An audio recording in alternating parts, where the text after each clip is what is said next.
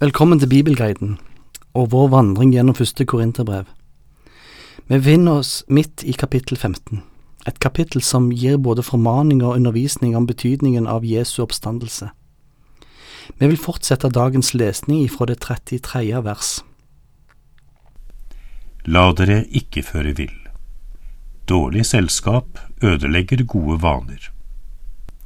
Våkn opp av rusen for alvor og synd ikke.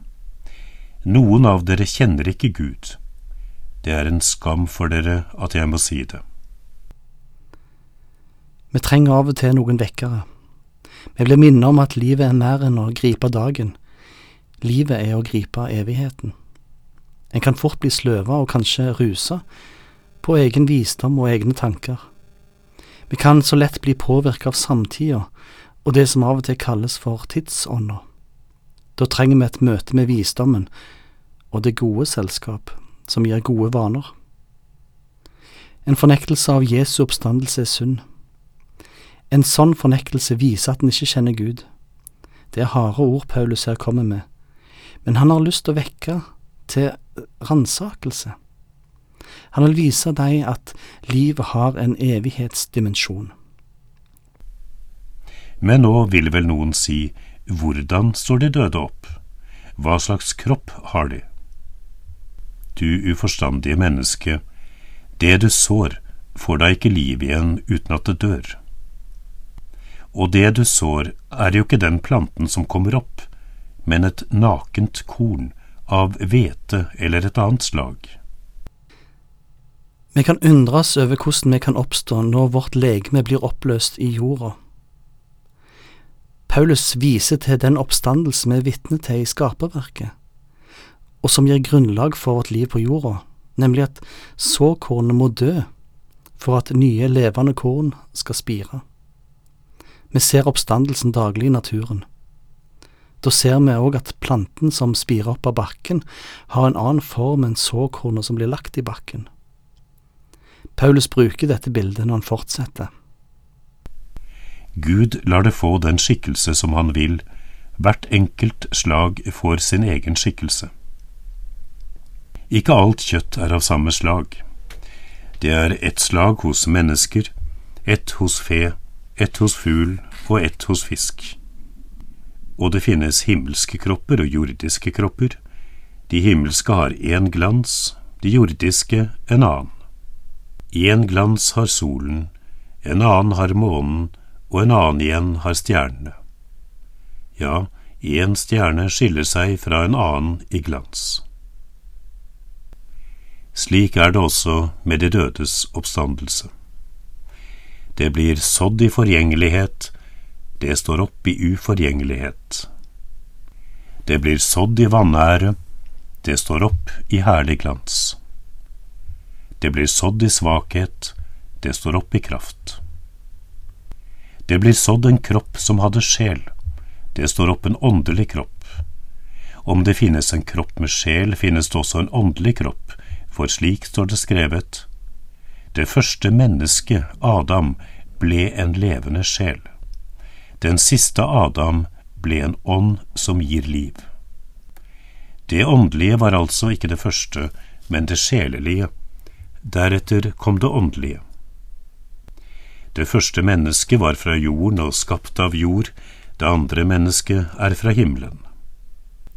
Slik det første jordiske mennesket var, slik er også de andre jordiske.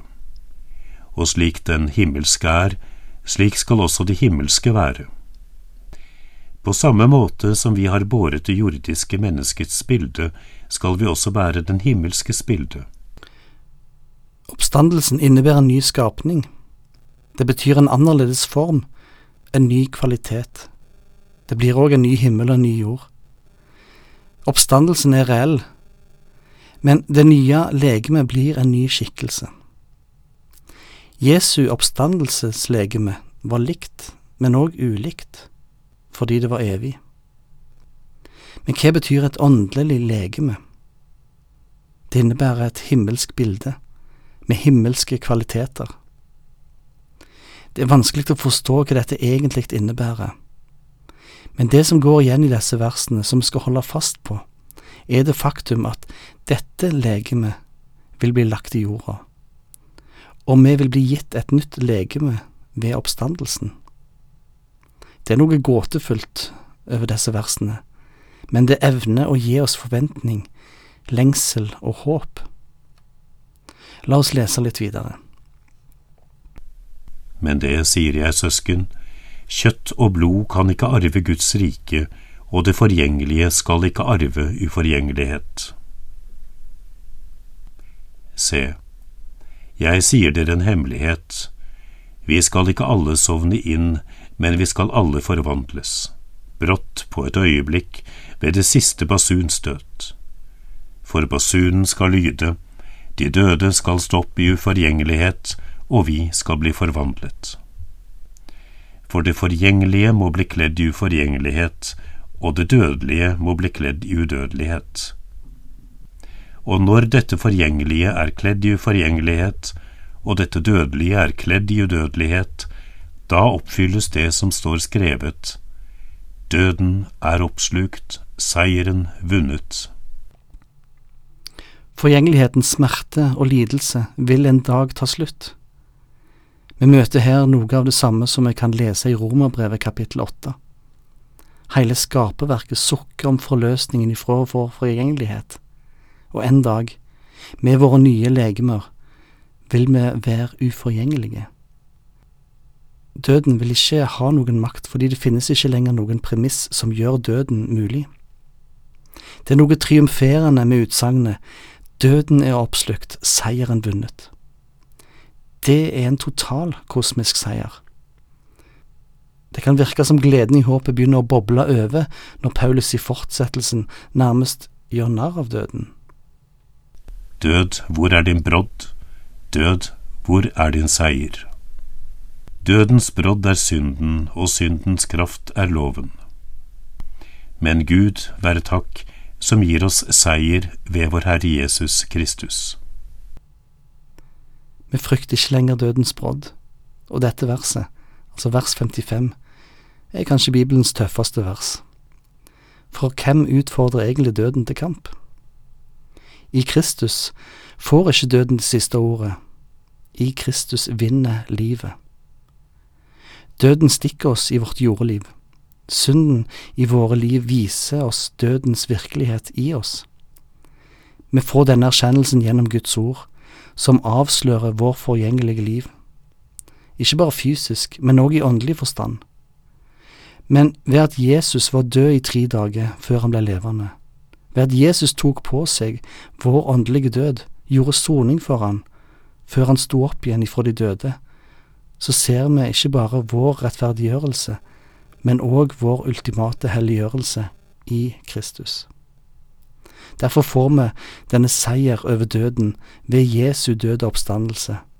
Han gikk i forveien, vi kan få følge etter. Derfor, mine kjære søsken, stå fast og urokkelig. Arbeid raust og rikelig for Herren, for dere vet at i Herren er ikke deres strev forgjeves. Med en visshet om en oppstandelse ifra de døde har vi et håp som driver oss til å utholde timelig lidelse og nød. Håpet motiverer til tjeneste for andre i takknemlighet og glede over den nåde som er gitt oss i Jesu død og oppstandelse for oss. Med blikket festet på Kristus, som gikk i forveien, så vet vi hva vi sjøl har i vente. Der finner vi oppstandelseskraften. Hold fast på oppstandelsen.